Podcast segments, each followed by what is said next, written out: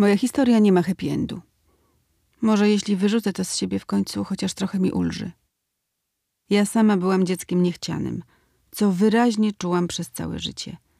Nie miałam więzi z matką ani ojcem. Nie wychowałam się w rodzinie patologicznej w sensie stricte.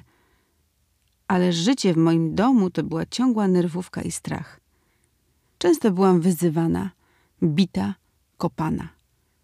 W szkole też odstawałam, a rówieśnicy lubili się nade mną pastwić. Do dzisiaj pamiętam, będąc jeszcze malutkim dzieckiem, odreagowywałam w nocy, tłukąc głową w ścianę, później brałam nożyczki i odcinałam kawałki skóry, żeby poczuć ulgę. Będąc sama jeszcze dzieckiem, poznałam jego i co tu dużo mówić, wydawało mi się wtedy, że złapałam Pana Boga za nogi. Po raz pierwszy w życiu poczułam się akceptowana, chciana i kochana. Niestety po jakimś czasie zaszłam w ciążę – w wieku, w którym jest to przestępstwo.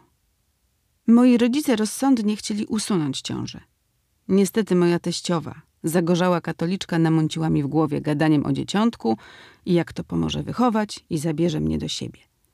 Jak łatwo się domyślić, później nigdy na żadną pomoc nie mogłam z jej strony liczyć i do dzisiaj tak jest. Urodziłam dziecko naturalnie. Tego, co się działo w trakcie i przed porodem, wam oszczędzę – Dziecko było nieodkładane przez pierwszy rok.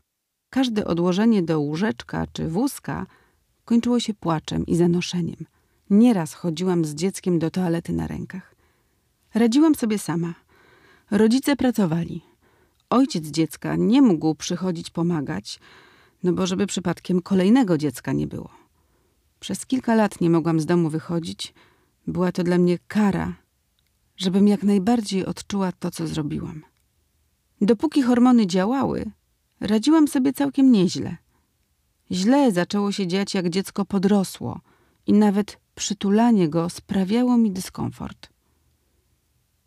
Nadal jestem z ojcem dziecka. Ładnych parę lat później, po ślubie, urodziło się nam drugie dziecko.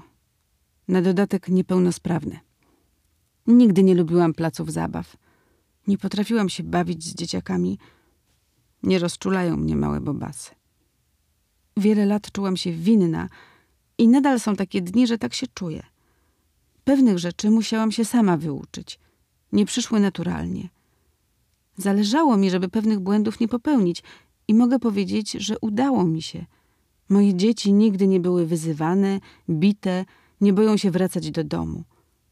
Jednak w środku cały czas jest poczucie, że zmarnowałam życie sobie i tym dzieciom. Duszę się w tym wszystkim i z całego serca zazdroszczę bezdzietnym koleżankom.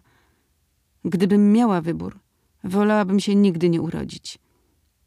Cały czas jestem na antydepresantach i to troszkę pomaga wyciszyć te uczucia. Na terapię mnie nie stać, a na państwową trzeba mieć czas. Pracuję na pełny etat. Poza tym drugie dziecko wymaga terapii. Wiem, że zostanę źle oceniona.